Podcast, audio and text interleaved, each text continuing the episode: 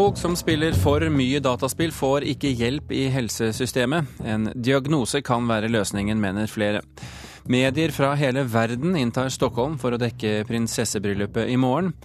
Og nytt nasjonalmuseum ble banket igjennom i Stortinget i går, men krangelen om Nasjonalgalleriet er langt fra over. Du hører på Kulturnytt med Birger Kolsrud Jåsund i studio. Dataspillavhengige ender som kasteballer i helsevesenet. Det mener Spillavhengighet Norge, som mener dataspillavhengighet bør bli en egen diagnose. Organisasjonen mener bedre diagnostisering kan redde liv.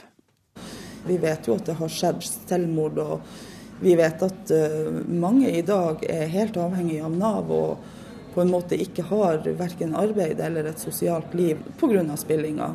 Leder i Spillavhengighet Norge, Liv Tove Bergmo, forteller om ungdommer som spiller for mye dataspill.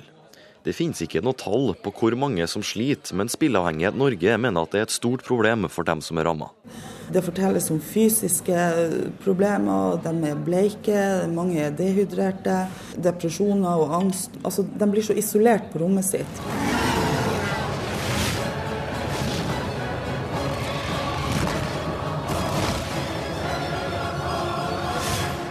Ofte er det rollespill på nett, som World of Warcraft, folk sliter med. Fordi dataspill er et såpass nytt medie, vet ikke alle leger hva de skal gjøre når folk henvender seg. Mange blir derfor en kasteball i helsesystemet, uten å få hjelp. Derfor vil Bergmo ha en diagnose på dataspillavhengighet. Når det er diagnose som må til for at de her familiene skal få hjelp, så tenker jeg at da er det utrolig viktig at det kommer på plass. Når en familie sier at vi har et problem i forhold til det, vi, vi trenger hjelp, så burde det vært nok. Gitte Hus, som er avdelingsdirektør for psykisk helsevern og rus hos Helsedirektoratet, sier at man skal få hjelp uavhengig av at det ikke finnes en diagnose. Men hun innrømmer også Og vi vet at det er behov for kompetanseheving både i kommunen og spesialisthelsetjenesten på det her, så vi trenger å få på plass et eh, bedre tilbud. Og vi holder vi på med å utvikle kurs for foreldre om barn og dataspill.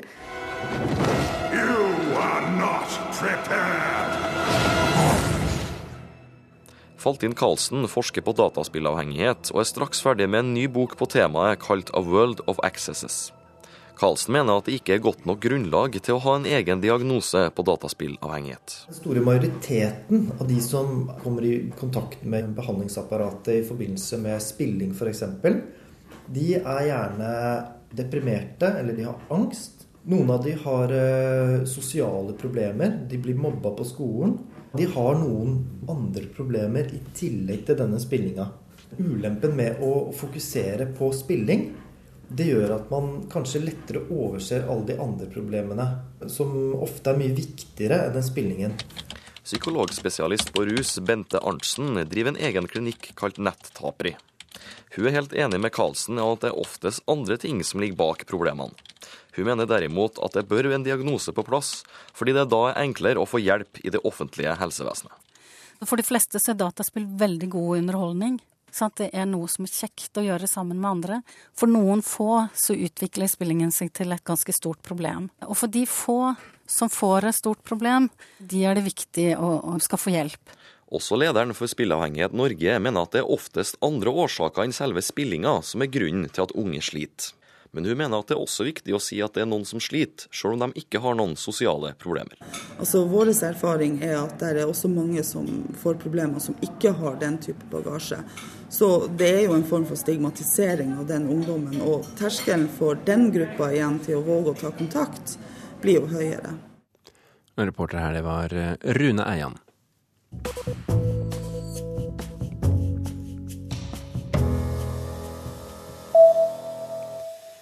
Forlaget Aschehoug vil eh, innføre strømming av bøker, skriver Dagens Næringsliv i dag.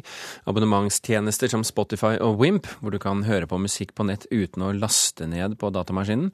Det har blitt en eh, suksess, og nå vil Aschehoug lage en lignende løsning for bøker, hvor leserne betaler en fast pris per måned for et vidt spekter av e-bøker. Amerikanske sikkerhetsmyndigheter har direkte adgang til data fra ni store nettgiganter, deriblant Facebook, Google, Yahoo og YouTube, ifølge Washington Post og The Guardian.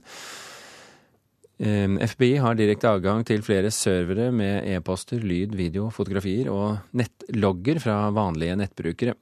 Adgangen er en del av det strengt hemmelige programmet for antiterrorisme, PRISM, og Facebook, Microsoft og Apple benekter at de har hatt kjennskap til overvåkingen. Chris friade til meg i New York i begynnelsen av oktober og eh, vi er veldig lykkelige. I'm also learning a little Swedish. glemmer lär mig svenska, men dette er svårt.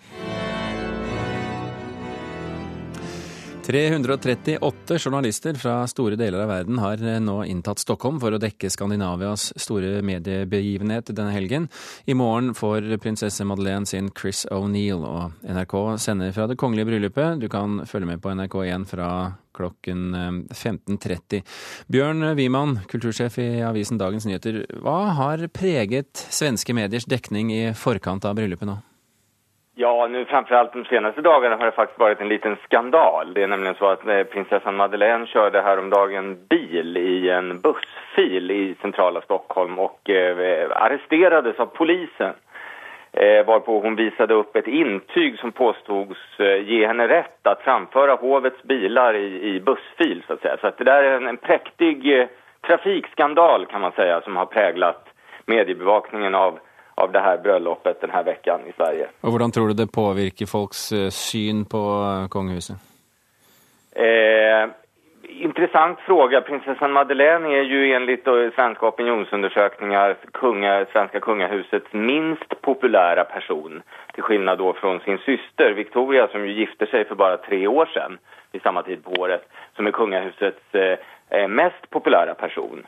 Og eh, Madeleines eh, trafikförseelse här lär väl knappast öka hennes popularitet tror jag. Det ryktades inledningsvis till och med om att hon hade åberopat åtalsimmunitet för att eh, få, få köra bilen här. Det vet jag inte om det stämde, men, men i alla fall så säger det där någonting om, om, om svenskarnas lite ambivalenta förhållande till vårt kungahus kan man säga. Hvordan er dekningen av Madeleines bryllup sammenlignet med kronprinsesse Victorias? Ja, i, i folkmun, så att säga, om man får uttrycka sig så, så går det ju inte att jämföra. Eh, Kron, Victorias bröllop för tre år sedan var ju en angelägenhet överallt. Alltså det, det, det gavs ut böcker, det fördes kampanjer på kultursidor, det bedrevs en faktiskt ganska intensiv debatt om monarkins grundväsen.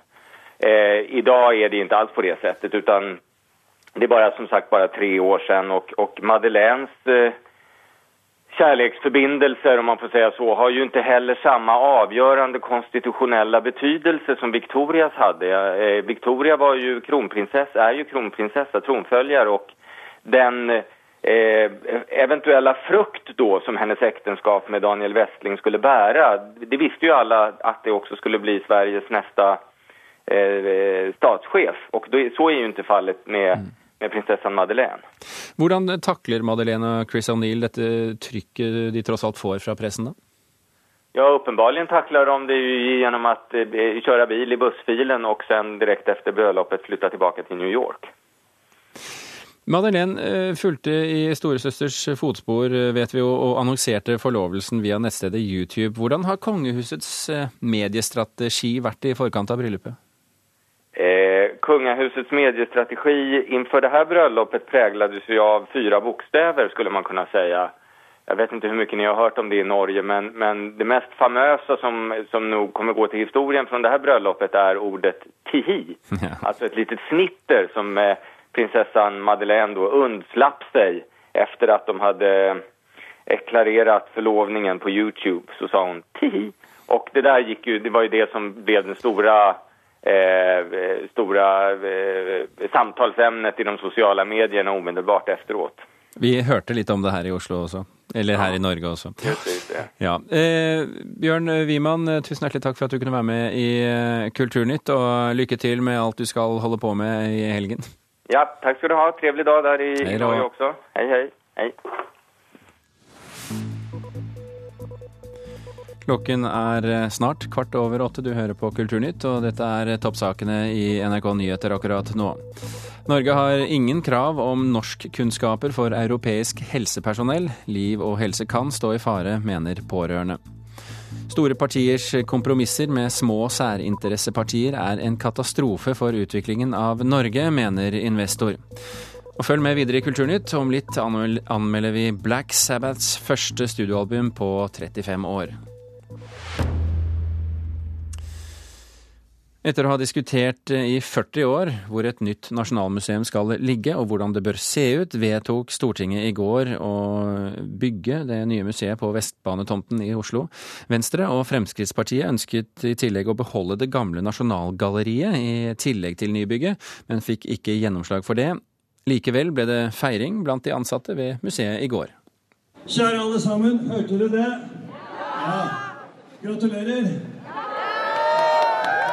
De ansatte ved Nasjonalmuseet samlet seg til fest i går, da Stortinget omsider gjorde det formelle vedtaket om å oppføre et nytt museum på Vestbanen.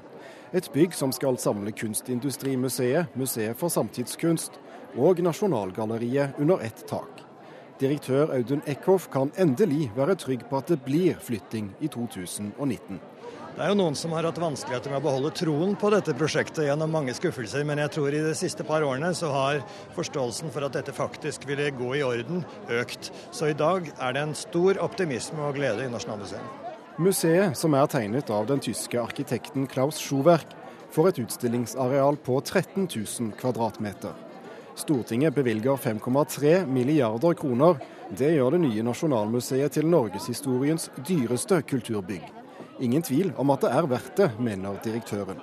Jeg tror det vil senke terskelen og føre til et eh, veldig økt publikum eh, for billedkunsten. Eh, ikke minst Nasjonalmuseet på Vestbanen, men jeg tror også det er grunn til å håpe at det vil øke interessen for billedkunst også i en større perspektiv. Bare Fremskrittspartiet og én representant fra KrF stemte imot nybygget.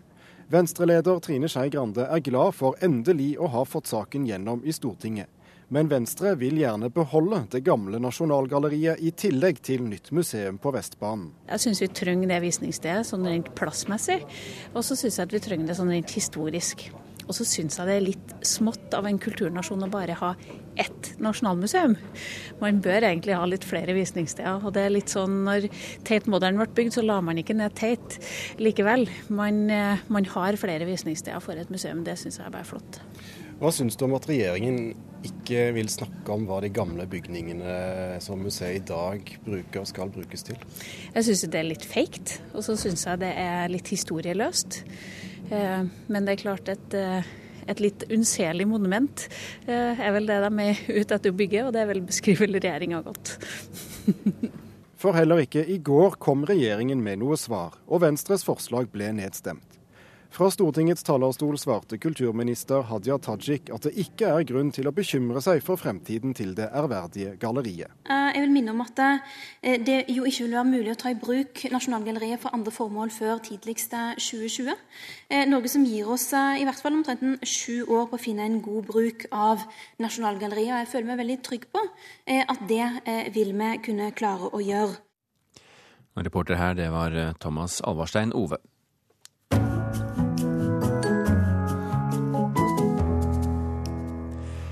Milliardær og investor Jens Ulltveit Moe vurderer å trekke støtten på 50 millioner kroner til nytt veksthus på Tøyen i Oslo. Det skriver Aftenposten. Forrige uke fortalte Universitetet i Oslo at de vurderer å droppe vinneren av arkitektkonkurransen fra 1998 og starte på nytt, fordi de mener prosjektet er utdatert. Et nytt prosjekt skal være veldig bra før jeg mener det er bedre enn det som allerede finnes, sier Ulltveit Moe. Frankrikes president Francois Hollande krever at to franske journalister som er blitt borte i Syria, settes fri. En journalist og en fotograf fra den franske radiostasjonen Rop 1 er eh, savnet i eh, Syria. Jeg forlanger umiddelbar løslatelse av journalistene fordi de ikke representerer noen stat. Dette er menn som har arbeidet så verden kan få informasjon, sa Hollande på en pressekonferanse i dag. Ifølge Amnesty er Syria det farligste landet å jobbe i for journalister. Så langt er 36 journalister drept i målrettede angrep, ifølge organisasjonen. Så skifter vi scene fullstendig, fordi Venezia-biennalen, som da blir kalt alle kunstbiennalers mor, åpnet sist helg med den 55. utgaven med sjeldne arbeider av Edvard Munch og en flunkende ny sentralasiatisk paviljong på plakaten. Dette er lyden av Markusplassen under Venezia-biennalen. Her virrer tusenvis av turister rundt blant duer, historiske sverdigheter og overpriste restauranter. Men det finnes så visst alternativer. For i selve hjørnet av Markedsplassen finnes Galleria de Piazza, og der kan du bl.a. se dette.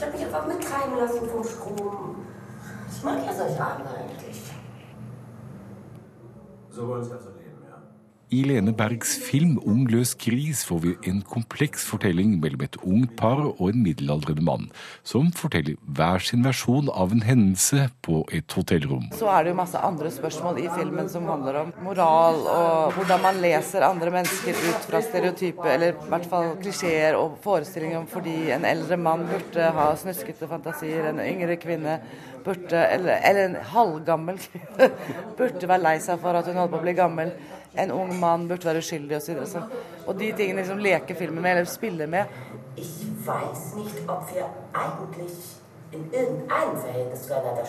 Filmen vises sammen med sjeldne fotografi og karikaturer signert Edvard Munch. Tilbake på Markedsplassen treffer vi billedkunstner Anne Senstad. Jo, det har vært veldig, veldig, fint. Vi har hatt veldig mange besøkende. Eh, vi er da under paraplyen Collaterale Eventer som også huser en del andre nasjonale paviljonger. For land som ikke har råd til å ha disse store, voldsomme paviljongene. Så vi har delt utstilling og delt vernissasje med Bangladesh.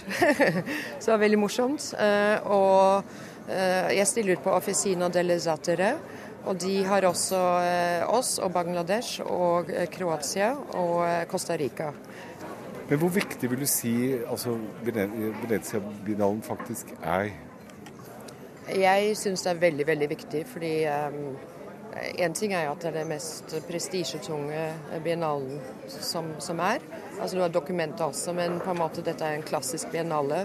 Og uh, alle i hele kunstverdenen, fra museer og, og uh, kunstnere og, og samlere. Og det, så det er, virkelig, det er veldig viktig for en kunstner å kunne delta uh, på dette. Okay, so this is a work uh, initially sketched in 1976 by Vyacheslav Akhunov. Det som møter oss i de to første rommene ved den sentralasiatiske paviljongen, er ordene 'pust stille', som er skåret ut i enorme bokstaver i finéplati, som altså kan oppfattes som en slags ironisk kommentar fra sovjettidens slagordpregede form, sier Tiago Boom. It's forbidden to leave his own country by, by his governmental authorities. Um, so it took the motto of the Soviet slogans, like public, Soviet slogans on public spaces, from the 70s, and he, he proposes to reinterpret, uh, or by using this uh, this model to to kind of depict or portray the current uh, state of uh, Uzbekistan. Mange har hevdet at Venezia-biennalen har blitt mer og mer men den er fortsatt viktig, sier Lene Berg. Egentlig så syns jeg at det som mest fascinerer med Venezia, er jo at det er en slags sånn kjempefiksjon. Eh, som funker så lenge man tror på det. Men det øyeblikket det ikke noen tror på det, så funker det jo ikke. Og akkurat nå så er det, føler jeg også, det er på sånn vippen, tenker jeg, at, det, at er det troverdig på en måte. Jeg vet ikke helt hvordan jeg skal forklare det. Men, men hvis den blir for mye sirkus, hvis kunst blir for mye sirkus, jeg vet ikke helt noe bedre ord å bruke, så kan man på en måte like gjerne ha moteshow eller noe annet. Og det er liksom, jeg, jeg sier ikke at denne biennalen er det, men det er av og til sånne situasjoner hvor man føler at det er på grensa at man får lyst til å gjøre noe annet enn akkurat kunst, liksom. Sa kunstner Lene Berg til kollega Erik Jacobsen, og Venezia-biennalen kan du se frem til 24. november.